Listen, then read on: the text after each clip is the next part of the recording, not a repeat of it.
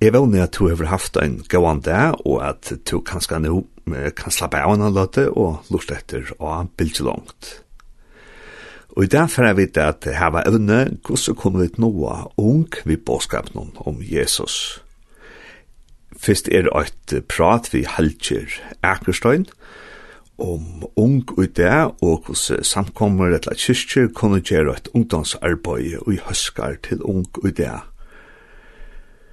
Og så var det et brådsent ur en er eh, eldre samtale vi Helene Segariesen om et ørvøse kristlet ungdomsarbeid.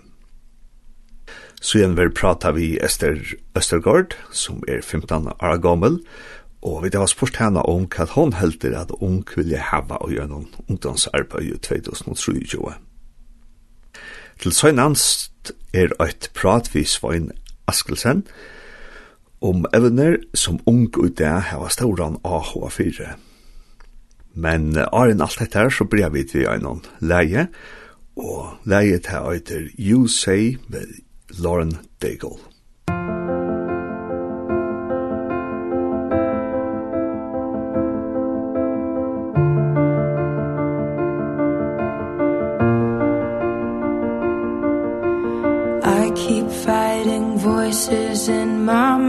that say I'm not enough.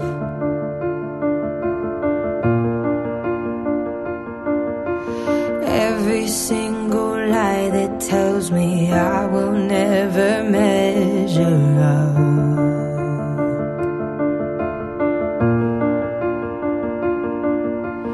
Am I more than just the sum of every high and every low?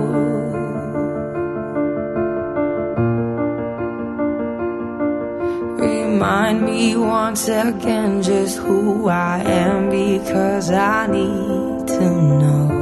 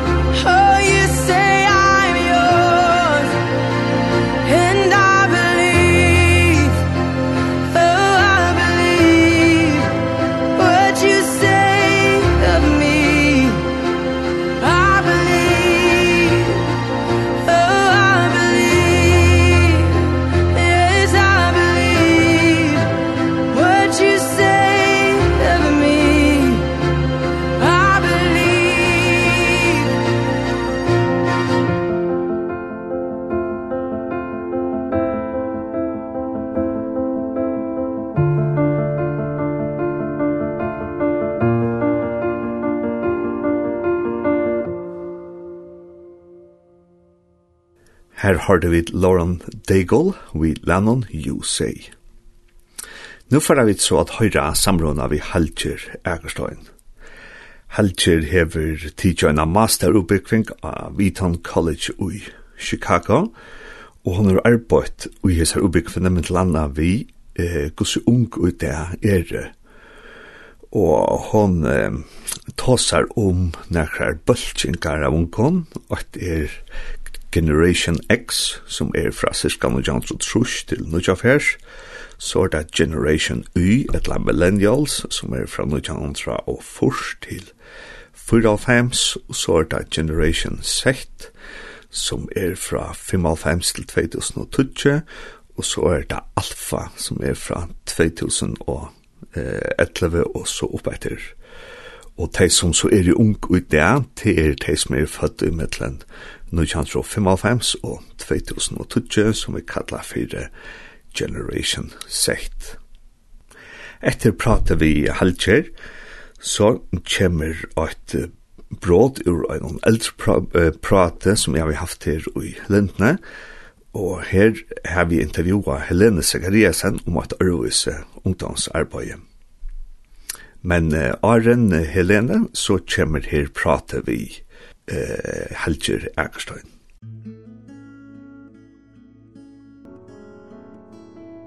Jeg til på den, så jeg stort leder, så, du vet, så ångt du husker jeg, jeg vet ikke, jeg har sett hvordan vi tar som man var hverandre, ja. ja. Det er noen helt særstakke avbjørnger, men det er også noen ordentlige og. Og det er også noe, alt annet som er universelt som er lykka vi er unger det som det er unger. Det er nek, som, nek ting som ikke er lykka. Alt det her, social media og TikTok, alt det som ikke har forstand på.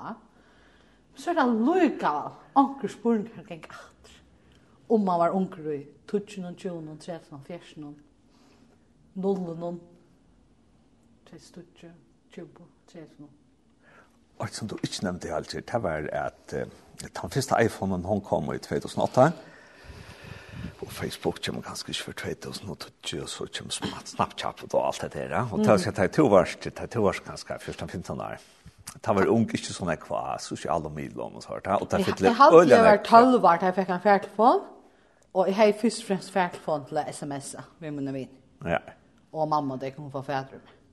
Og hun til at det var de unge som vi hadde det, at Det er til så oppvaksen vi, vi uh, sniltfon. Ja Ja. Vi Instagram og vi Snapchat. Internet, bara ja. internet. Alltså internet är något som vi lärde. Det är uppvakst viktigt. Ja. Så det ger det till en helt särskilt, ett helt särskilt atterlig, ja. Ja. Som vi känner som Generation Z. Gen Z. Det är atterlig som alltid har haft internet faktiskt. Alltid har haft samband med ånder, jöknen, sådana till, till döms og tæta sier gen sekt. Ja. Eh när det är så fatt og när Nu har nu nu börjar knupa som är men ja, jeg ser er det så oj. Det är åtta häns man säger. Åtta häns fram etter. Det var Arjen Tech kallar vi for generation. Nei, millennials ja. Det er det. Det är det som er fått för tror ju först till. Nej, det tror jag fem. Ja. Hallå. Ja. I min short land kan slå. Så då men. Vi har från har till till generation. Nej, om skilta till har till millennials och till unga där har till generation Z, va? Ja. Och nu och och för jag kommer till generation Z så snackar vi om tej som som är er född om alta skiftet faktiskt. Ja, nu fick jag rockna fram.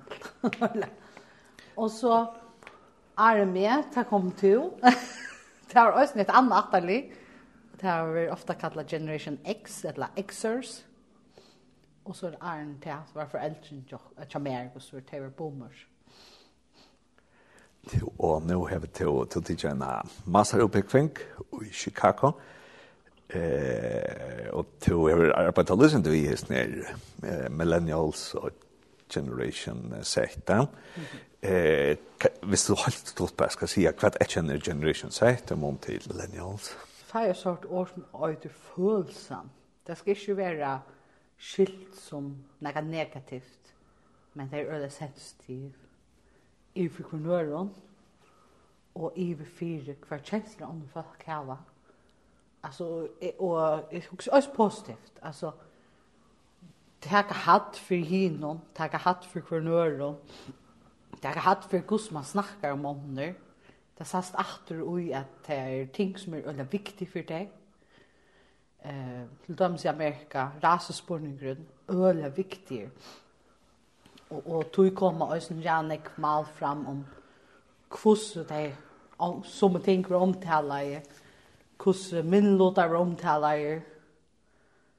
Det er bare åkt. Men så, og så også er det um, connectedness, altså man er så knutter, skärman og så, allukall Her er han ikke ensam i östen, ja. Tror jag att knut samman höjden, connectedness er ofta jökna några milar som har er ärmarskar. Til dem så tar sms til dem, eller jag skriver messenger, så har vi knappt i til hver annan alla tøyna, men allukall så er det nekra avmarsingar her som gjør at jeg ikke alltid skyldig det du sier, og ikke alltid void om du er skilt med sånn som jeg har rett og uttrykt med, og, og, og risikoen for at du skylder meg verre tjøkken messenger enn ta jeg og du sier det andre til andre er her. Ja? Så det skal skaper også noe et eller annet internt og i mer. Ja, så er det et ødlanda ergångten til Milaner, det er også noe et kjenne. Ja Og det gjør at man har ergång til øyla nekv ting som bøtten ikke har ergång til før. Det gjør også en ergång til, til, til før som ikke, altså som man vanlig vel sagt, ikke er høskande til bøtten. Mm. Så til sømme sier man for Generation Z er at en øylig exposure til seksualitet, porno, sånne ting som, som uh, Man må avmarska på onkra mata og i øren atterlin. Det mest ikke til at, at uh, imiske seksualiteter eller porno ikke vær i øren atterlin. Det er ikke det her gjør. Det er bare nega vi er gongt. Ja, det gjør. Og hva anna er? Um, uh, man ser seg sjálva mor. Vet ikke man kan se mor som parsta fellesskapen enn akkurat atterlin som er ært alltså inte tropla förklara men men fällskapen hur det annars vad sia. Så man kan se det så ösnar. Och till sånt imus från mental mental men men millennials de blev uppflaska i vi att de var de som för bröjta höjmen och bröjta sövna att nu kom internet och de hade allt det här att ju vissar och för ut vid öliga om dreimon och alltså öliga stor om vi sjön och vad det vill det allt var örvust nu kom teja banan och tog det var ösen satt som unik tog det ut öll stinchen till dem tälter sort är för elchen just där alltså för tämt det är fatt vet du så dotter det där bättre för elchen bättre läraren bättre än att hinna så vi är det simpelt näka för vi ekstremt sjálvsalligt i et løyve, og i måntlösgärd sett vil jeg si. Hvis jeg skal si en, en mån akkurat med til tejpa i hjertet min. Nå nevnte du at, att unge der östna engasjerer seg i noen normalerna og du nevnte jo i USA at de engasjerer seg i rasispolitiken vi sucha kanskje ikke det er i Førjøen og Sjån, kanskje Norrlondon. Men jeg alltid øtt som er så ikke ung engasjerer seg ut til er eh, jaunrattende bendelkjinn, til er seksualitets eh, spurningar, og så er det et annet til er eh, klimaavbjørninger og boravdeklarer. Yes, akkurat. Akkurat sånn ting. Ja. Øyla tutning, gjøre velferd, klima, og og och och og, og og ja, det som kan være sin drink, det har vi snakket om sånn atterlig skrasjing, til at det kan være øl kontraster, og øl paradox ui, så det kan være mega, altså et atterlig mega grønt, det er fyrir klima og alt sånt, men det er nok ikke annet atterlig som kjøper sånne klæger, som akkurat hese, eller haft det sår for bruk som akkurat hese, eller haft sånne tøkning i kameran som akkurat hese, akkurat Så det er øyelig bevorsthøyt, særlig og tankemessig, men det er ikke alltid uh, hunger skjema vi tog lusten som og på en måte ikke er det omskilt, det er ikke skapt denne lusten. det er som Jane nå i bæg i kjøkkenen, foreldre og oppbelding, men også i kjøkkenen. Ja, kjøkkenen, Instagram og alt sånt, vi, vi marsjonerføringer. Ja. Ja, Og nå har vi det som gjørs denne. Lysen gav, og vi kan skal skalte at ung. Eh, er det da, et sørstall det som er tungt med lykke kommunal arme færre til hvordan skal vi så gjøre ungdomsarbeid til disse unge der. Det er at nå leste du i Chicago, og vi leser ofte disse granskingene, da var det uten å røyne med han. Ja. Eh, hevde hun nekkar hoksaner om, til å bli kjønne gassvær, men hevde hun nekkar hoksaner om, om alt det her teoriner, om Generation Z, og så har det heldet du, til er lyka som til er i fyrjon som gjør i London, at her var vi kanskje akkur sérstakt i fyrjon som, som omr om heimen kanskje ikke hava. Vi i fyrjon har en tendens til alt jeg sier, ja, det kjem tutjar 18 i fyrjon, sånn da. Uh, jeg personlig er ikke alt sant. Det er ofta vist det som jeg som rak er sunt utsett, eller sånn er sjokka i fyrjon, men Det viser jo allukal at her mentna brøydingar, og her er det gransking fra, fra setsen faktisk, uh, som teka 20 år i Danmark, det kan godt teka 5 år før. Ah, Ok. Ja, så, så ofta om det er sjanker jeg, ta det så henter så det så redder kjøtt. Altså, Facebook kommer til fyrir, det kommer til fyrir, det kommer til fyrir, men ta det kommer til fyrir, så hadde jeg ødt Facebook. Et eller annet, det er bare det er på alt dømme, men, men uh, Och inte döma. Det kan vara också annat. Och inte döma vi ungen på Facebook. Ja, Timor. Nej, nej. Timor är till allt. Ja, ja. Att det har det var bara att döma om hur en bröting kan komma. Ja, ja. Och att det har vit var i vad kan det vara perfekt Facebook 20 år, men jag fick ju Facebook. Alltså mamma det hade Facebook är men men akkurat då tar vi nämna Facebook att han måste kanske ha ösn mumma och konst med vuxen och ta unke att EO2 halta att allt för gång Facebook og nekk unge det har et eller annet Facebook, og det bruker Instagram og TikTok og Snapchat. Snapchat den fyrir, ja. Og ja, ja. vi talte enn at alt gong fyrir seg Facebook. Eh uh, ja til, ja. Og så eh, får vi da snakka om tar vi tavis her unge der som eh, vi kom kalla teoretisk free generation uh, sett, som er ølja connecta til andre ung folk. Eh, eh tei bergast øsne fyrir nokron søkon. Ja. Men til nekva kanningar som vysa at tei er sarbær, nek som strujast vi salalea og bjonkar og imsons lea. Og så fra vi så snæra den av kristligt arbeid. Ja. Ta vi nu hava hesi unge, og det er katt hoksa til så at vi skulle gjøre som kristelig ungdomsarbeid. Hvordan skulle vi møtes når unge i det, som er ørvise enn ta års unge og millennials? Ja. Og, og hatt det gjør det øle tropelta.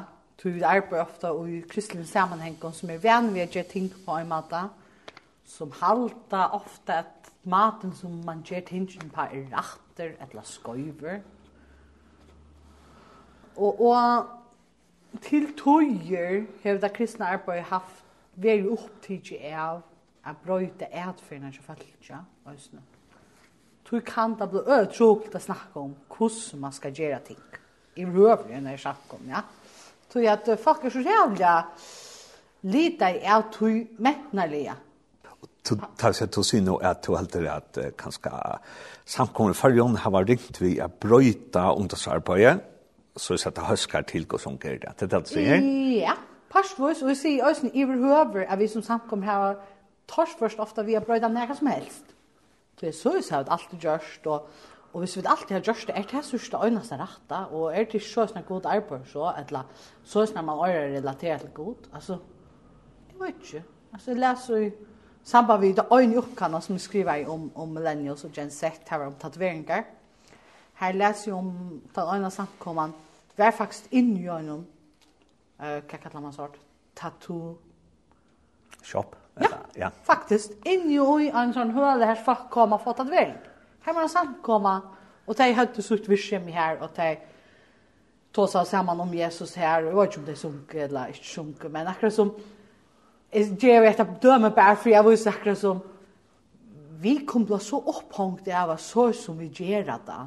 Det er tan rätt eller tan skojva maten. Eller, det gör så forferdelig. Akkurat som mm, jeg vet ikke om det alltid er så avgjørende hvordan vi gjør det. Jeg bjørn ikke akkurat tryggvande til øynekvar at jeg teker på øynene og relaterer henne til til mentan og til liv som vi lever ut det. Og det er en avgjørende.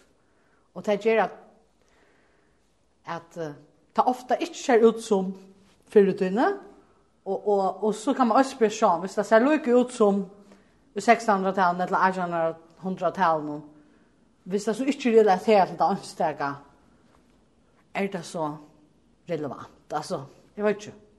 Og, og som elsker det, at det lukkar som 600 down, eller 300 down, eller 800 down, men, men det var unikt for kvart atali, og det var unikt for kvart for menta.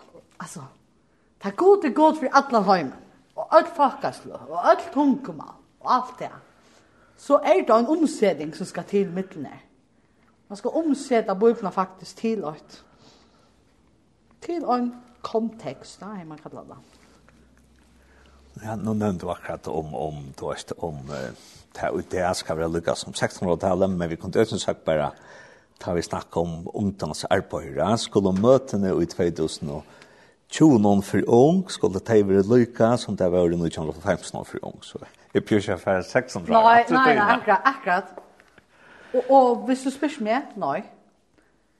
Ikke hvis vi skulle få gensettla for oss hjemme. Og hvis gensett skal oppleve at det er perse, heter det også en torra undersarbeid. Og det er alltid ræv viktig, og i ødelen undersarbeid. Det er ikke bare, og ødelen badnarbeid faktisk øsene. Det er ikke nekka vi hava fire bøttene, fire de unge, selv om vi ofte snakker, så ser Men det er nekka vi hava samme viktig tog jag alltid alltid det viktigt at jag engasjerer att jag är Og du så har det her curling för allt man vil gjøre alt för det ja? Man vil gjøre kaffe för det man vil gjøre det läckrast kakna og man vil gjøre alt så lekkert för det og nå skal vi komma här och unders med för det men faktisk, det vil vill godt hvis det er samme vi Tidjer hatta, ikke hetta, hva er det bruk for at eger, så sånn at tidkun hukka det for tusen, ti timer. Nu, nu kom jeg nok snakk rundt om førjar vi lintne og er i Øystein rundt i Danmark og Norge og så der.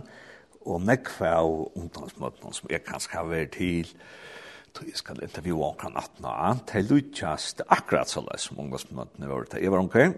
Nu er det fems. Ja, Ja. etter Arden. Ja.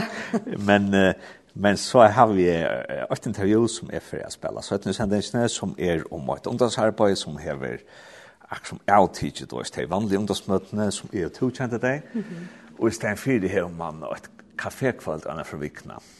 Her som det så er baseret på at man blir ungkomne inn, og man hever samtaler øyn til øyn, og så halte jeg at øyn affær om kvöld, ja, så så akkur som stekka det opp og hava en antakt, og jeg veist, det er 20 minutter.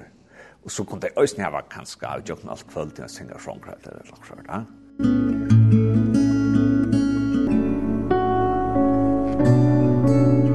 så atla jeg tås at om, om, om et her som er grunnt og i oasne til så et ungdomsarbeid, men til er ikke akkurat som traditionell ungdomsmøte, kan man si, ja? Nei, det er ganske sint øvelse. Vi har haft ungdomsmøter lunch i oasne, og vi tar vært alt i høstet, og vi tar vært i nekvar, jeg vet ikke om det er siden byrjan. Så hva var siden jeg har byrjan?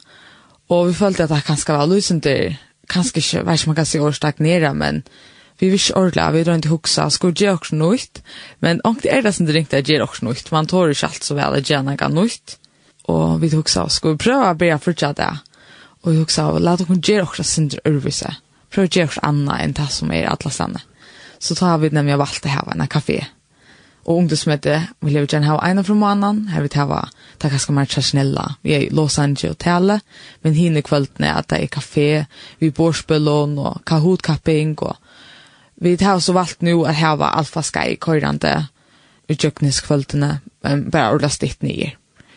Bare om vi tar sen mer om hva det er Kristiansson er, Om yes. Og hva er det en kafé kan gjøre? Ja, um, jeg vet ikke inte hur jag älskar för kafé, Det er alltid lekkert alt det. Og jeg husker eisene, jeg synes det er at her var også i Høyvøk. Jeg vet at det er nek som her var i Høyvøk som er så fantastisk jag saknar ganska at det var ganske också av kafé, Och då jag säger att nu tar som Jan Peter tar seg om at vi tar sankom av allt jag plantar sig i Høyvøk, Så det var en sankom att ta.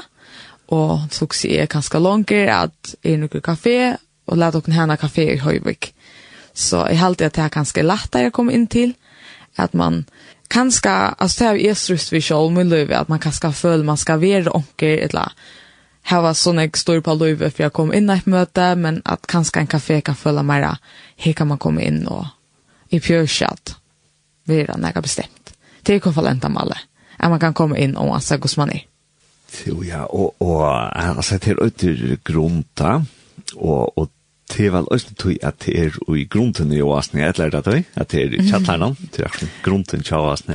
Ja, med til annet, det er grunden, men eisen at det er grunnleie, at det er så viktig at Jesus er grunnleie til okken, og det er ikke at eisen gjør til de unge, ja. og sånn til alle mennesker, men at Jesus skal være akkurat grunnleie, og det skal, ja, han er det grunnleie som vær, det som helter. Og det er så i, i grunden og i oasene, altså i nyeste i hatt, her hadde det også gjørst nek vi hadde innrattet da. Ja, vi tar vært nekk vi gongt, at de unge har hjulpet dere, og tar bare at vi snakker lyst der, så takk at dere unge for at de har hjulpet dere. Vi tar måla, og vi tar sett i minst i stand, og ja, det har gjort oss en kaffeslett, og vi det slash liv enn. Jeg håper jeg ena for vi tar en vega sånn vek, jeg håper jeg får cool graffiti, eller et eller annet, men vi det er så vel av vi og, og hentan er, ja, flotta kaféen til å innrette og tjattler noen, tar ikke vel, og ser rolig moderne ut. Takk. Og, og her er det sagt det til vi at møte ungdom, kanskje på alt premisser, og, og så knyta relasjoner, ja. Ja. Eh, helt og det er viktig at, at man knyter relasjoner til ungdom, ja. Ja, jeg halte det akkurat det som at lunges etter. Jeg vet at ensam er bare vokse, från det corona men att det är en ung som kanske inte føler sig skajvan, føler att det inte kan höra till några stanna och så bara säga att akkurat hörs välkomna i grund. Vi vill akkurat känna det. Vi vill känna öll och vi älskar att folk är imisk att uh, att man öll har imisk att bjóa. Vi öll har också att. Så det är ordentligt viktigt för oss att öll kan komma in och öll är välkommen.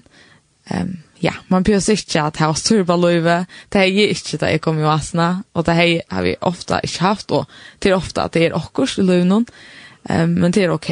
Vi vil gjerne ha en god fellesskap, her vi kunne gjøre det sammen, um, ja, så. Er, er det så løs at, at det var opplevd at, at her kom en ung og et Grundkafé som kanskje ikke vanligvis gynner av ungdomsmøtjaren? Ja, det har jeg oppleva, og det er bare, altså, ta, ta som helst det er megastørst. Det er akkurat det. Ehm vi ordlar jag att ha ungkomma som kanske gänga fasta möte är mega glad för det men det är så fantastiskt att söka ta dronker som kanske släkt känd till det. Att de föll att de kan komma in här och det är det viktigaste för mig alltså ta väl emot dem och att de ska veta att de, de kommer rätta steg. Och, och, och visst nu det kanske dronker som ikke vanligvis jo gint jo og bøttene færa gink her, te unge færa gink av kaffe. Skal man såra bensjen for det at at, at man vil manipulera över da man kommer så i seg grunt. Nei, det har aldrig ikke man skal være bench for det. Vi er ikke, ikke så så att vi har at man skal gjenge og gjøre samkom for å komme grunt eller näka og vi er ikke at det skal være trygt sted, um, og ikke hokus pokus eller näka men at man kan komme och se om man vill göra någon og njuta fällskapen och ja. Og det er ikke så at man ska vara att jag antakna er eller annet. Det är ungefär när man antar til ungdomsmøter. Nei, nemlig ikke. Og til kaffe kveldene er andakten klokka nødje, um, hun er ekkert sted, og onker kommer attana, onker kommer åren og fyrre sted, til som en kaffe, ja, ta kommer man og fyr. Så man spes ikke over alt kveldet, og det skal man ikke føle sitt lom. Og så er det så her eh, drikkner, og her er så, det er så øyla moderne, og her er en shower-up-skjermer 18-4 disken, mm -hmm. som man ser okkur som man kan kjøpa, Og så er det sånne drikker, og her er det en, en øyla vekker med over som stendte fire tog fire tog et drittjån og sånt. Hvor er det her vekker omkring med over? Ja, han er, han er mega vekker. Ja, til mammoen, Jan Zachariasen. Ja. Han har jo gjort ranek vi er så drinkene. At han er finnes der rikka vel, og han har lært å linje opp. Jeg har faktisk lett ikke steg når jeg ser til kaféen. Så hvis jeg skulle gjøre stikken en at drinken noen, så har han kanskje ikke smakket så vel til at jeg har ikke lært der enn, men han har tidligere alt høy til han då ordla vel. Han er vi ordla spent på akkurat det. Og tar det i alle mulige liten, og her er akkurat kommet på blant noen om eh, sikkerpipene. Mm -hmm. eh, men alt som er så tira til alkoholfrukt, ja, og er det her også en mat ikke at det kunne vise at man kan godt ha det slått til det for kveld, for ung utan at planta alkohol på. Ja, akkurat det här halda vi det viktigt att vi kan gå man kan gott köra ordentliga läckra drinker och vi går hon också samman men jeg vet ödle är trygg vi kan annan och ta viktigaste sånt jag vet här att det är vitt lavera vit.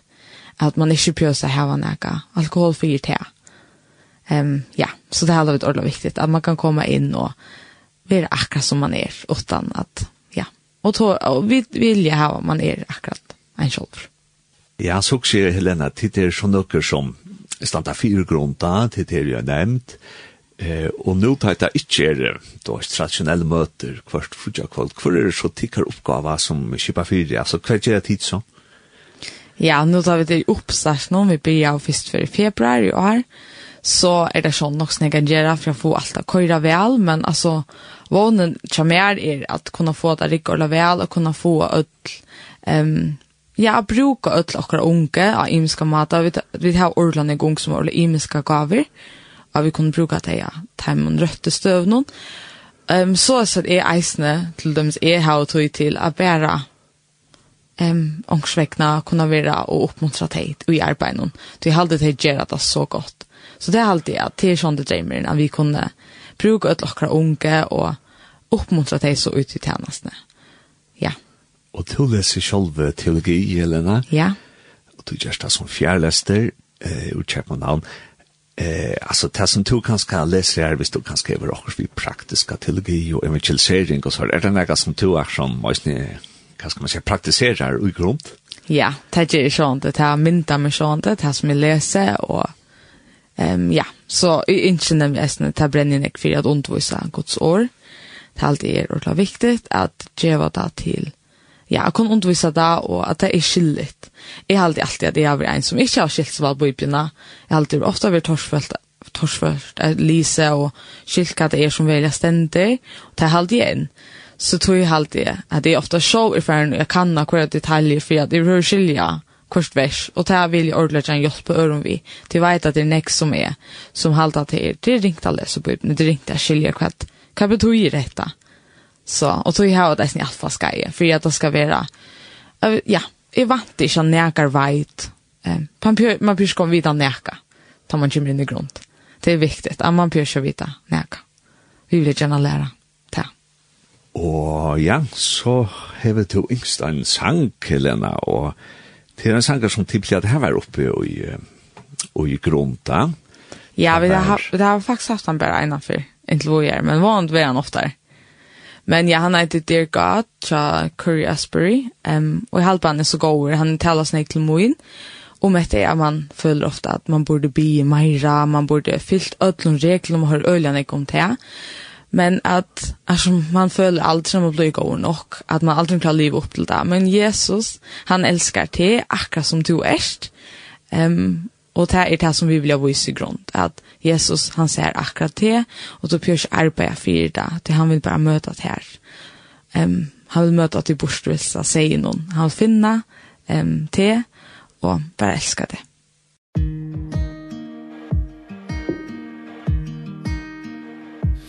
Dear God I've been trying awful hard to make you proud of me seems. The harder that I try Oh, the harder it becomes. And I feel like giving up Most of the time. Dear I've been chasing their approval and it's killing me. And I know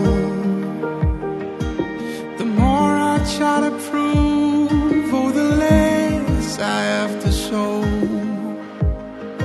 And I'm stuck inside my head Most of the time.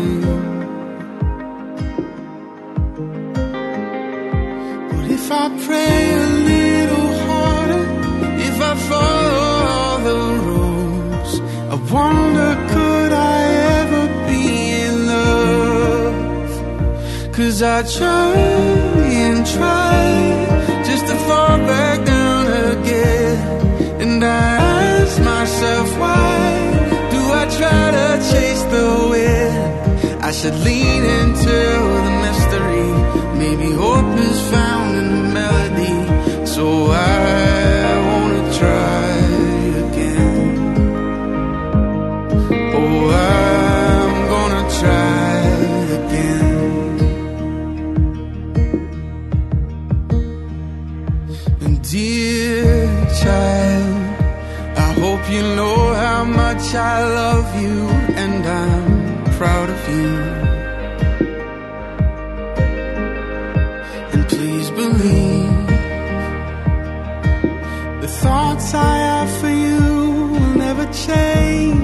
fade away. And when you felt like giving up I never did. Cause I'm not scared of imperfections Or the questions in your head. Just know that you you try and try.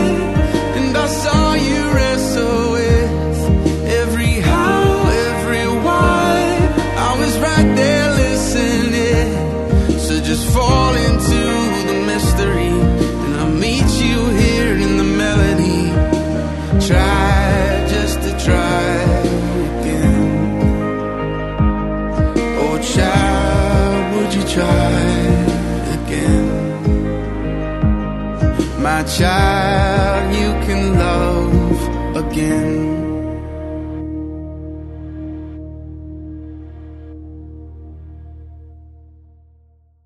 Vi hørte leie Dear God tja Curry Ashbury.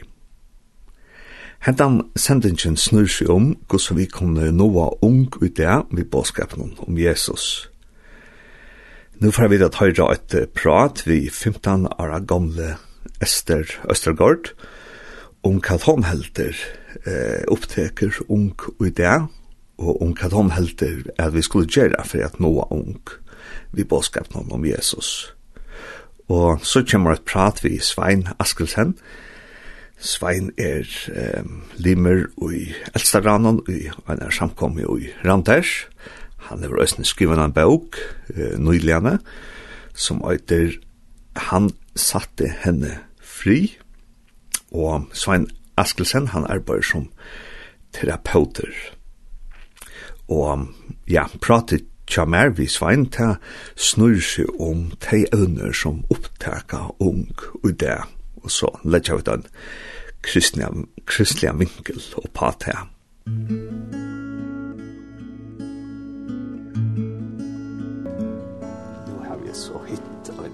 unga kvinne, eller unga kjente, og det er Øster, Østergaard, og hvordan kom det å si? Ja, jeg er ikke blitt 15, så. Og nå gong du så er noen etterskola, Djursland, efterskola, men to uh, bort vanligvis i fargen, og her var det jeg to ikke til eh, ja, stormøter kanskje, og så er her som du ganger jo, er jeg tok ikke til Kikkenbalk, og så er det et grund, som vi da har hørt om, og vi ser kjendingene i Arjen heter, og så er det um, ungdomsmøter, ja. Ja. Kanskje kvett av her som Trimon, damer der best, eller damer du ødel godt. Altså, det er alja imest, vil jeg si, fra Kornerion. Um, så vil jeg alt hever, samme båtskapen. Eh, Själv där man var rally av låsang, så är med räva ungdomsvetter. Men jag har väl haft en ragga och en kycklingbild som jag bara ordnat för att min vi. Som jag sen görs några gott för mig. Och så har vi sen haft grund som är några husfinnar som är bara, alltså till nästan bara, alltså då du bara hukar.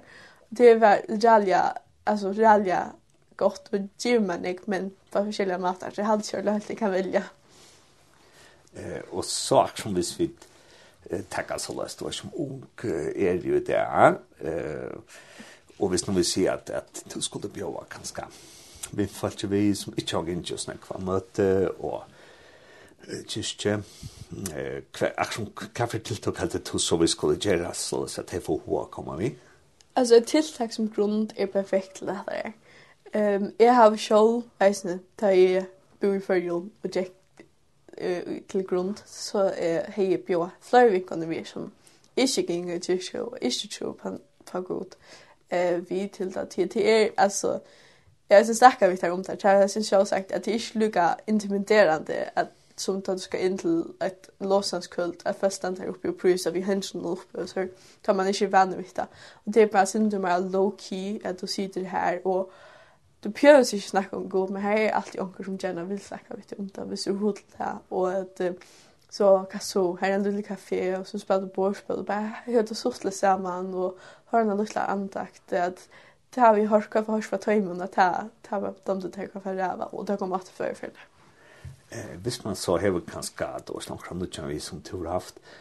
Helt till att till kan säga att det som kan att det är då är det bra för välkommen och sammanhållt att det lovar något som är nog ju så här. Ja, det er alltid. Altså, særlig at man er i sin alder någon som är så er alt det sin dyr altså, awkward hvis man kan si det så är. Ehm och jag har själv upplevt så att hvis jeg kom inn og kanskje sa så såg jag okej, kan jag jeg är mig själv och jeg vet inte hur jag ska snacka vi.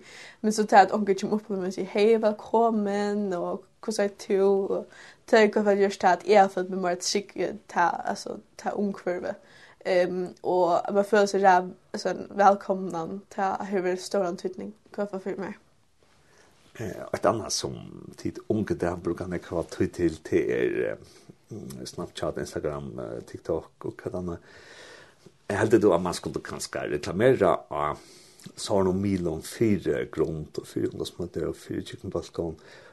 Och jag hade då att man kom till du vet, dolt, og oksvers og video og et lagt sånt. Alltså jag hade til en dag og det. Det er så å fenge fullt du eller fall til jeg min alder. Det er ikke det er kanske inte rann inte att hur stämplar en av plakat eller buss At så att det som för fänga min av men uh, at en av mindre mitt Instagram feed eller TikTok ta fänga min av mer er teenager, jeg er nesten nästan då hänger med telefon. Um, så jag hade helt alltså jag hade ordla till en ordla gå det jag vet det som så tillsäg som till dem skront lägger ut på Instagram och Facebook.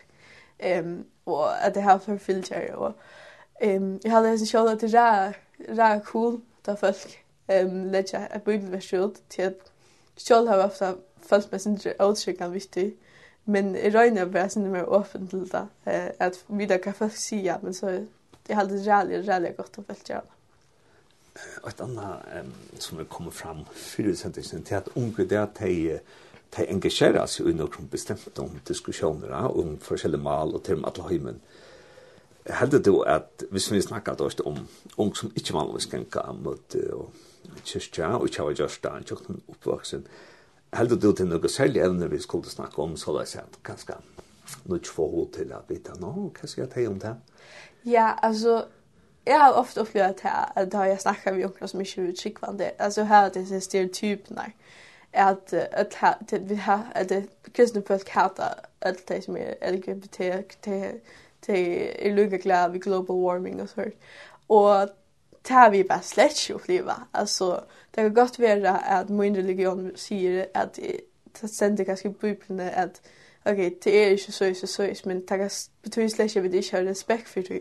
Och jag håller det inte så viktigt att vi snackar om att att skalt vi kanske inte är vi tar som fält ger så är det stav och är nästa det ständer sin bubblan vi ska älska dig.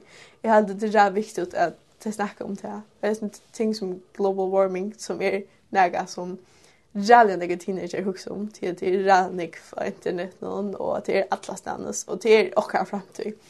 Eh, alltså det det ständer ju i Bibeln. Gud är giv och gör han han är ju och gör när det vi som ska efter det.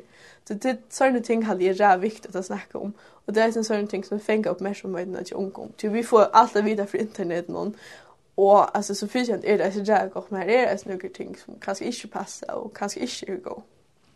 Och ett annat som kanske ung östne gängarna på till jaunratten och i mitten kvinnor och män og i mittlen imsar, håleter og raser. Eh, heldig det var man bøyna skulle tidsi det som, det var ikke evne av noen som hadde et lau igjen, og Chicken Bowl kan man säga att kvöld för vi att snacka om eh, global warming, eller vi får snacka om eh, Black Lives Matter, eller så här. Alltså, jag hade det är väldigt intressant. Eh, men det var väl, eh, jag syns att skulle skolan tar man snackar i samhällsfrågor om ödlös evne om samfället på den maten. Eh, och ta också jag så kan kan hej Bibeln sagt till det där. Det är det räliga ehm aha versioner vi bis man kan se det på den. Eh, jag hittar okej kan se Bibeln om rätten med man men man och kvinna eller kan se Bibeln om hualit eller hva sier Bibeln om det. Til det heter är snuggar så viktigt och tingande emner som är i kanske samfunnet. Ehm og til halde jeg som kristne, det ralja det er godt at man fär altså Guds kjønner vi eller Gud det som Gud säger in uta til at, ja. Er nå i Randers, Kjensvein Askelsen, og vi tar fyrr og sendtisen til oss om at ung i det at de kanskje er ørvus igjen ung var for noen annen siden Eh, og så er dette at unge der kan skal interessere seg ullanlegg for en kron av og sånn evnen. Og det er så tro evner, og det var eh, vi jaunrattende, bare mellom kvinner og menn, og kanskje også mellom raser. Og så var det til vi eh, klimaavbjøringer, og så er det også med LGBT-evner. Og jeg har alltid vil byrja svein vi eh, vi er til vi anratende, så tog vi jo skriva en bok som heter Han satte henne fri. Hvis du så skal si akkurat som til ung og det hva, hva sier Bibelen om jernrattende? Ja, men i prinsippet så er det høres i skriften i jernrattende som er begrep, er jo at uh, det er viktig å skilja at uh, Gud har skapt menneske og i synemynd. Så oansett hva du er for et menneske, hvis du er et menneske som er skapt, eller som er født inn i henne heim, så er du uh, skapt i godsmynd, eller skapt i godsmynd. Og, og, og det er, det er lukka som uh, utgangspunkt. Så öll er lykka, ta det kjem til det her og det er maver, kvinna, og eisne om du er kvitter, svarster, gulder, eller regel, altså til lukka mykje hva for rase du kjenner av, lukka mykje hva for en kine du er føtter som. Ja. Og så kanskje eh, traditionellt i kyrkjan, etla søvelig, ja? Ja. Så har man kanskje kvinner haft omratten til henne men jag har haft i samkommun och kanske ung till förra spyrja här som kvitt. Du tar höra näkva om om Jan Ratten till skolan om offra kvinnefyllandskapen så kommer det in i kyrkna och säger ja men alltså hur är det ju andra att det är rätt lagt skört. Ja. Och det är rätt och, och det kan man nästan undra sig och det är rätt att undra sig. Ehm tror jag hur ska det vara moner då? Ehm men men vi lever i en fallenheim alltså ideali om att god och skapt hemmen och att allt är gott. Eh te är färre flöjten för nek nek nek nek arm så. Så vi lever i en fallnar vi kvar vi synd Jesus galdant. Kvar vi vit ikkje er go i utgangspunkten, men vi faktisk oppfører oss egoistisk og er vilja oss sjølve og hvis vi anker annar er i vegin, ja, men så hevda vi oss sjølve hvis vi har makt til å gjøre det. Og det maktforhold til hever søvelig og visse er det til fordel for menn. Tog jeg til at menn kroppslige hever bedre for. Og i det er, er det av sånne nøysom vi fer vi å komme en automatisk utjavning tog jeg kvinner som får skolegeng til dømes her i Skandinavia. Um, der er raskare, flittigere, og visa seg å være lykka så intelligentar, og tog koma til meir og meir at få til leiande størvene, eller til, til størvene som gjør mest pengar, og så framvis. Så, så det er, altså, vi fer vi at det er ratta seg, kan man säga, eh, på den måten. Og kanskje, hvis man skriver det fram, utan å vite noe om det, det er slett ikke ekspertstryk, men så kan det godt være at kvinner fer å få en, en, en ivivåa, i forhold til menn til det kjent til arbeidsmarknaden, no? og hvordan ser til til lønene større, og så fremvis. Så, så til, til forholdet som har vi, vi makt å gjøre, til er til til til nægge vi biologien å gjøre sølja, um, men så har det eisen nægge vi, uh, ja, altså, vi, vi kjenner jo alltså det är evne att um, organisera sig såna. Jag har redan kvitt med att vi ska vara vill gå till att organisera sig. Så Europa blir en sån makt depel vi heim någon och samma i USA. Och de europeer som kom till USA eller de kom till Australien och de kom runt i Negostan i världen så har de haft evne till att, att organisera sig på en måte kvar de så har kua til folkesløn som det kom til, og her underlagt seg til London og så fremdeles. Men alt det her så begynner jeg å få ganske en bedre forståelse for i det at her eh, er, er makt er ikke lik vi rettvise og så fremdeles. Så, så vi ser det ikke spørner til vi sånne ting i det og, og så kanskje ung til fylgjene kvi milom og internet i sånn og sånn kanskje rak som MeToo som det er framme for noen nærmere kanskje Black Lives Matter så sånn ja. heldig du at, at vi kanskje vi okkar unge og eisne skuld snakka vi teg om det inni kyrkjon Jeg halde det alltid godt at jeg tåsa om aktuelle mål. og eh, Og det gjør vi det i samtalen. Eh, så, så man skal ikke forvanta at man liksom en nødvendigvis høyre der fra talerstålen og så fremdeles. Men i samtalen, og i, i samkommen og middelen ung og eldre og sånne, så hadde det veldig viktig at, at öll ung føler seg fri til at spyrja om alt. Alt er i orden, til orden å snakke om öll ting. Det er mange, altså, det lukkar seg som du forbjøver følt seg at at at ta som näka eller så lukkar fyrir du hela en så så så blir det lukka alt ta som du krok og såna og så kommer det ganska større større misskilningar ut av om kvui kan man ikke spyrja om eller to som er stings ja? Så jo allt fram ljósir og lær om to som tinsen og så att det sørste vi vet om är att nu sitter att kanske kvinnor färra får. Iva var innanför uppbyggning och så har det til langt jag vet. Men kanskje også nu i, i kristen hopp vid ungdomsarbete, ja, så er det kanskje ofta större kvinner enn det menn. Ja, altså i, i kristen høp er det cirka 30 prosent kvinner eh, som er, er aktiv i, i religiøse sammanhang. Som er stedet nere mer og, og mennene er faktisk vi omtlodan her. Altså, det er simpelthen for åndrant å være kristen som er. Altså, det, det, det er ikke hele mandet. Altså. Så, så her er en krise, kan man sige.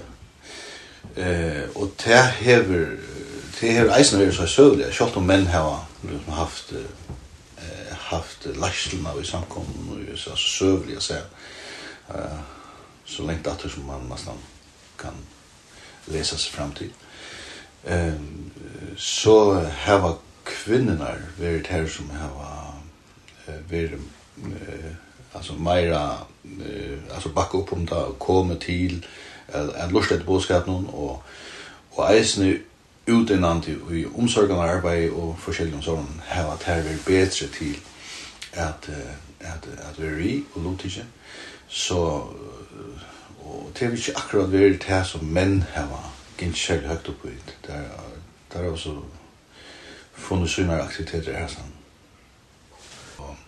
Her kommer, nå, nå mister jeg fast streien i forhold til spørningskjeller. Det var om, om at vi kvinner og menn samkommer, om vi skulle røyne at forstyrke kvinne, så jeg til måneder av måneder og kvinner, etter om vi skulle røyne at ja. sier mer om det. Jeg halte at det er en spørning om bæg, og jeg halte at vi skulle, i samband med det her, er vi, eh rattende som som kin. Här ska här ska ju några månader. Alltså vi tar vi skulle ha samma rätt till att göra och som galdant. Men jag hade det väldigt viktigt att vi gör och som galdant som det som vi det At, at det är medver, och att det till ordnarna kommer in vid min armantighet och og gör mig galdant. Och sånlös kvinnen vi hennar mandighet. Og så er det et øyelig breit spektrum. Hva er en maur? Du kan ha en, jeg synes vi, vi snakker om kventraslige menn, eller, og det er mann man vi er førskående til en, jeg synder femininer, ja. Og så har du eisne øyla grova menn, maskuline menn og sånne, ja. Macho menn og sånne, ja. Så, så spektret er, er breit, og skal være breit. Men her har vi alltid så fyrir at fyrir at vera på en eller annan måte at finna eit, eit ideal så skal man hvis tan pene mauren eh, eller han normale mauren han er kvørstje kventraslir etla macho. Så så så, så helt innsnøvra mannen ulla meg jeg haldi at til til vurst av okkom at at opna slusnar atter til kvæð er i ordan av vera som er og let dere vera til som vi nå ennå er eh, så skapt som. Ja. På samme måte er kvinnen. Du har nære som er øyelige finere og femininer og du er eh, nesten rea støv. Og så har du nære eh, nære kvinner som er ganske mer maskuliner utøy. Um, man forstiller seg ganske en bøndekpåve som er sin maskulina. Eh, at hun fyrir ut og eller som eh, ordnar ting ut gen fjås og alt dette forskjellige, og han ikke, eh, altså, bæg stersk og, og, og på alle måter handle, handlekraftig, ja. Så, så på den måten så, så har man eisene her uh, et, et, et vitt spekter, og at det her halde er man kanskje røyner at, at finna et ideale for kvinner som kvarset han uh, ja, altså hver nekka kvinner kan skal vittlast og ikke føla seg ordet omboer så let okon eisen si at her ja, kvinner er øylig imiskar og let imiskleikan ui det kvinnelige eisen få lov til a vera. Uh, og, og tatt sikker vi eisen vi får løsning at han problem som har vi det her identifikations, eller i identitets. identitetskrisen og sånn. Jeg det, jeg tror at det kan løse en sånn, sånn problem, som vi leisen så ikke det. Eh, nu skal du ikke være for alle kyrkjer i Danmark og alle kyrkjer samkommer i følge, men men heldt til bare utfra til en erklæring, heldt til kanskje at vi i kyrkjen har var særlig kanskje gjørst at det er vi at skår i en dannar av, og i måte kanskje hva samfunnet gjør, Nei, det hadde jeg ikke. Jeg hadde ikke, jeg hadde samkomne på noen måte eh, er mainstream, er øyla med avgjørskere og sånn tøy, og at tøy er andavn, og vi leser om tøy er andavn, vi skulle ikke fylla tøy er andavn, sånn jeg. Eh, men sannleggen tanna, vi må bare innrømme til det, jeg samkommer tjøkken alle tøy, hvordan er alle tøy, minna tøy, fylla tøy er vi bliva ofta lyka som og huxa ofta lyka som ehm um, och, och og här är det bare viktigt att komma till Bibelen, vattenbæg i ornon och alla stängsne kvar vi blöd synder ja blöd rensa i fire, hva skal man säga ehm um, det som eiter tui ehm um, typ i bibeln här alltså vis vis vi vis vi färd til Bibelen, eh, til dømes til første Mosebok kapitel 1. Og virkelig dukka okkur nir og i til at god er skapt menneska og i syne, og mynd. Som mann og kvinne har han skapt okkur og i syne mynd ja, men så færa vi ongan tui at det var god skyldna fyrir at det er munur av eh, mann og kvinne og i, okkara tui og i søvne og så fram Eh, og grunnen til at vi gjør det her, jamen, det er tog at vi er mest av togene, og at kyrkjan hever vært mest av togene, og hever vært mest av samfunnet rundt om, og ikke hever vært mest av gode, og gods mat er gjør tingene på. Og, og, og, og det er bare en sannrønt, altså. Og, og, og det, må, det, det er en sinn som vi må gjøre, og tar vi så kommer atter til god, så er han mentet til å endreise, eh, hva skal man si, det er sinn, til det är ivergrepet som vi sier i danskarna som, som vi gjør mot målkvörnar og det er neste evne som nek nekva omgenga høgt og i, og hvis man hikker etter veverlags demonstrasjoner så er det sjånt fisk Greta Thunberg. Men tror det er nek ung som engasjerer seg ut i eisne fyrir omtid til veverlags verskfall alltid det ja. Um, Ja, og da vi tåsa kanskje om at møta ungkom i det som samkommer i kyrkjer, ja, helt etter vi skulle takka til evne opp ganske. Ja, jeg, jeg, jeg, jeg halde jeg vi skulle gå så åpen, og tås om at vi, vi tar en arbeid, vi tar eisne, altså som mennesker er vi sett i Oslagæren, eller av hjørna, til å omsida heimen. Så Arn Sindafallen. Så så så var vi faktiskt alltså så var vi sett och i världen till att arbeta. Alltså det är inte så där. Alltså det är att leva lust kärlighet og inte at arbeid og inte gjere en innsats eh, te, eh, te ligger ikkje i, i skapan eh, nei, te ligger i skapan er at vi eh, er vi tar okkon vel av tog som god hever eh, lite jokken oppi henter. Så, så at det til skapene, eh, så handler det ikke bare om javnrettene, men det handler eisen om å ta seg vel av tog som god hever. Så da vi skulle roa i, i, i, i hjørne, i fisken og sjålen og, og kreaturen som lever i hjørne, eh, så handler det om at takke styring, altså temja det her, det heter, hvis du tenker en hava, da vi kjøpte oss just nye for noen år siden, så, så uh, hadde de følelsene som var blivet nesten så eldre, uh, de makta vi ikke hava mer. Så havn hei steg i årøkt i 5-20 år. Da det kommer inn i en sånn hava, så er alt vokser i noe forstand. Her er ingen sakser veri, her er ingen klipp, her er ingen røkta. Og, og tar alt færre, liksom, uh, alt er bomba. Og du er nødt simpelthen til å skjere alt nye og byrja av nutjo.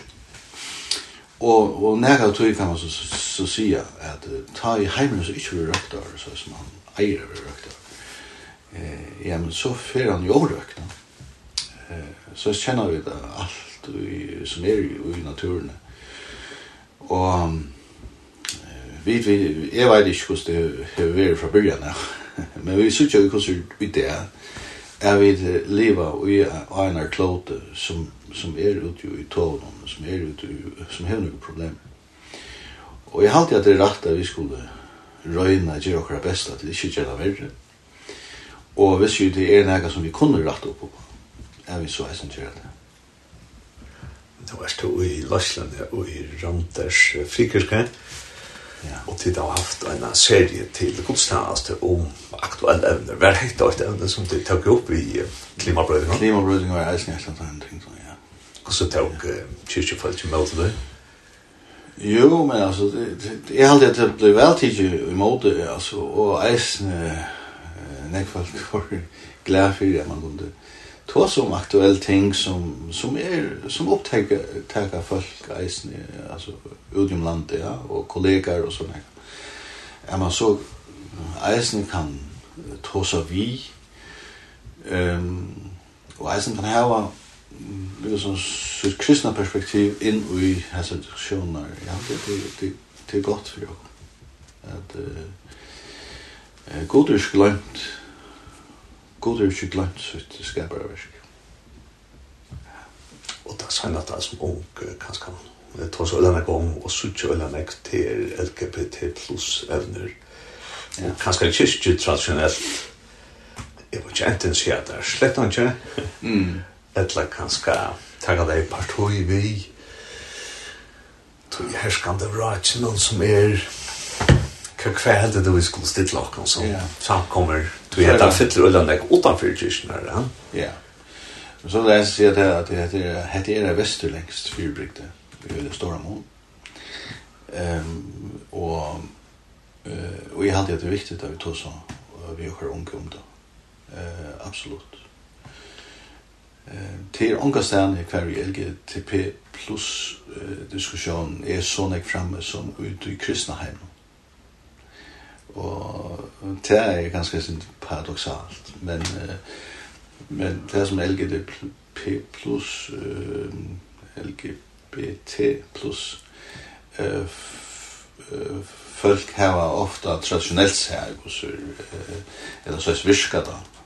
Jeg vet ikke om jeg helt skriver ut, men Men det virker på meg som at uh, fudgen nummer 1 er något som uh, er, er kristendomen. Allt er kristendomen stiller seg som dolmar eller vi, vi tar egen steg som dolmar i smakstormar i om hvordan man skal liva sitt liv.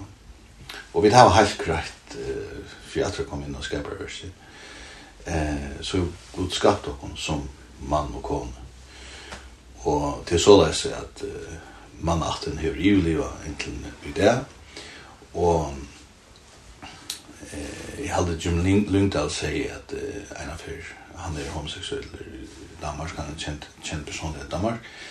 Han säger att homosexuell homosexualitet är ett luxusproblem.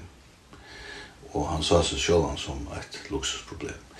Ehm um, eh Og jeg skal ikke si at, at det er et, et luksusproblem i Vestregnen, men jeg halte til at det er i kurser nægge som vi er nødt til at, at eh tås om, og vi er nødt til at tås av jokker unge om det, til at vi er ganske utfordret i pata.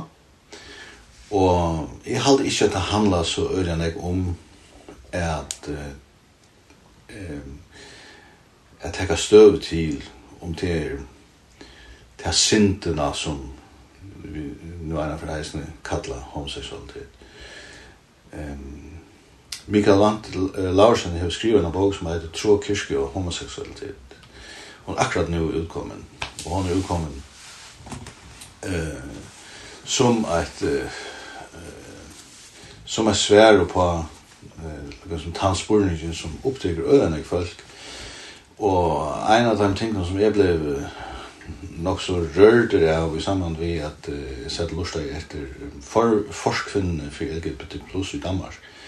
Hon sier til at en ekva time som benka hennara hur i København er fast som uh, er ung mennesker som føler seg fremmedgjørst og i samkomn. Og, og til halvt jeg er, er sin sigande om at uh, at uh, det kan ikke være rett at vi som samkommer ikke tåre at tåse om uh, hendan troblagan som ung føler seg utfordret på og at det så enda av en kontor i København og benker på årene at jeg LGBT plus for, for at finne forståelse i et eller annet. Det viser så eisene og dette sier hun eisene og jeg ser sånn med rastene som jeg, eh, jeg har hørt i at eh, så knappt så blev jag sig i följande som som hävan att. Det kommer vi när trygg. Det älskar sina föräldrar. Så tar det bänken på här och kommer in i det här miljöet så blev det eisen miskilt her. Tror jeg at det miljøet helder at det ikke er opprester imot det bare sånne her trygg og imot sånne foreldre. Men det elsker bare sånne trygg og sånne foreldre. Hvordan skal man så eh, liksom fevna teg, ja. Hvordan skal man tenke teg via en, en reise hver vi teg er utfordrer i panega, usunn seksualitet. Men kan det her ikke få løy til at vera et problem som man arbeider vi og affærene i snart sig. Det er det som Mikael Vant regner at gjøre eller borre av i snart bok. Og jeg halte at det er et godt poeng. Um, tog jeg at uh, homoseksualitet er en, er en sin, så som jeg synes, det, så, så som jeg leser på den. Men det er, det er uh, tjorvi eisne. Det er, altså, det er, det er drittskap eisne, ja. Og sex utanfor ekteskap. Sex utanfor ekteskap. Så, så, så vi har, altså, seksualiteter, altså, vi har, altså, her har vi at gjøre, altså, er ein sind, skal hon stemplas til at at vera så særlig at hon skal liksom driva ein part av tann menneskjon som som har akkurat utfordringar av hæsen øsken borster fra okken som samkom. Og her halde jeg at at vi skulle være meir åpen og meir fevnande og i samtalene vi den unga som hever disse utfordringer. Etla eisen hvis det er en eldre, eller en gammal, altså. Det er det ganske folk som har tankar, som ganger genga vegna. Så jeg halte at det er viktig at man er åpen og i samtalen. Og at man ikke behandler det som en, en særlig sin som, som god ikke tåler. Og bare at her uttrykker jeg god ikke tåler synd er jo bør bort vi ja. God er den eneste som tål synd. Altså han, han tidser alle, alle synd, synd dere av seg og betalt for henne. Jesus sjå han fyrir okken av krossen. Så, ja, så jeg halde en eisning her, hvor vi drar åpen og samtale. Og et annet ganske som det grøy for langt til seg at vi seksualiteter til så kjins identiteter.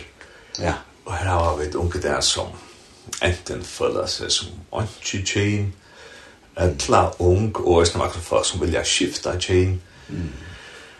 Og ja, og som jeg vet for en hukta etter, det var en heima så jeg, tja, jeg hadde det var LGBT plus, og i New Zealand, det her var seitjan i musk tjen, som de definerer rettelig at det var utfordret, ja. Hva er det du vet som kristne kjønnet, vi er kristne vi trykker på, som du har sagt, for god det skapte oss som menn og kvinner. Ja? Men god så kom vi kanskje omgenga ta hinn i halvt at det seitjan er koma og i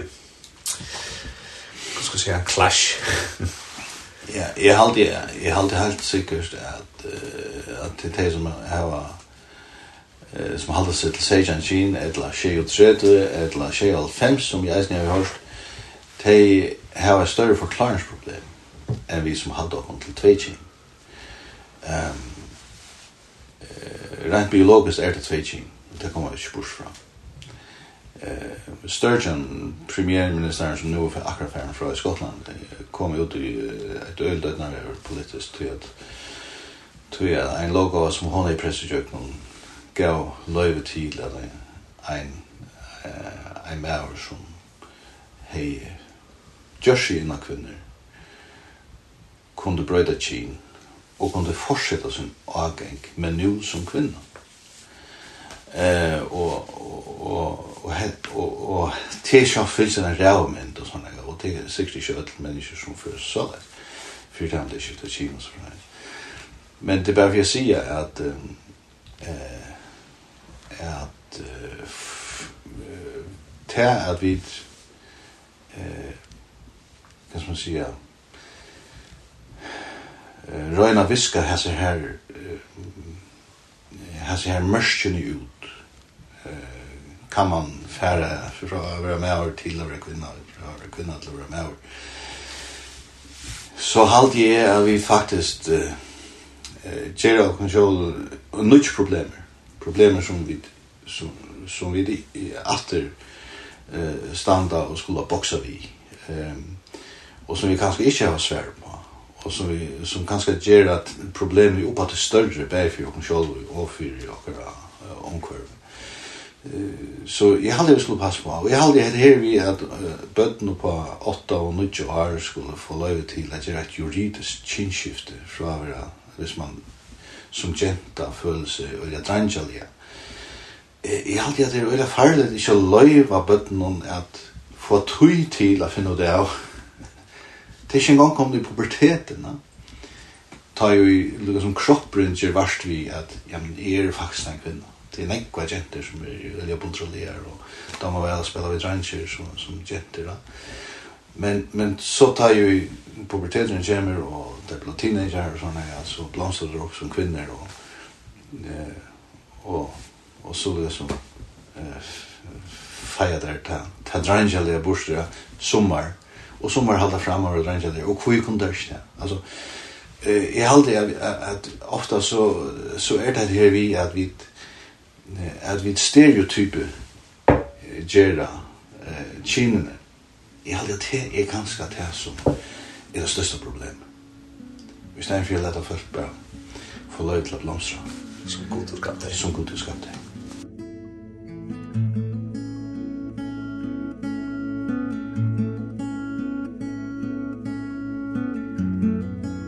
Hetta var sendingen av Bilge Langt fyrir i dag. Du kanst høyre sa sending som potvarsp til dømes av Spotify eller Apple Podcast. Løyta bare etter ordnån Bilge Langt, og da du så finner sendingene her, så finner du bare hesa sending som hever høyte ung idé og kristendommer. Jeg færber at innkjøttet kan øynvalg signa jeg det.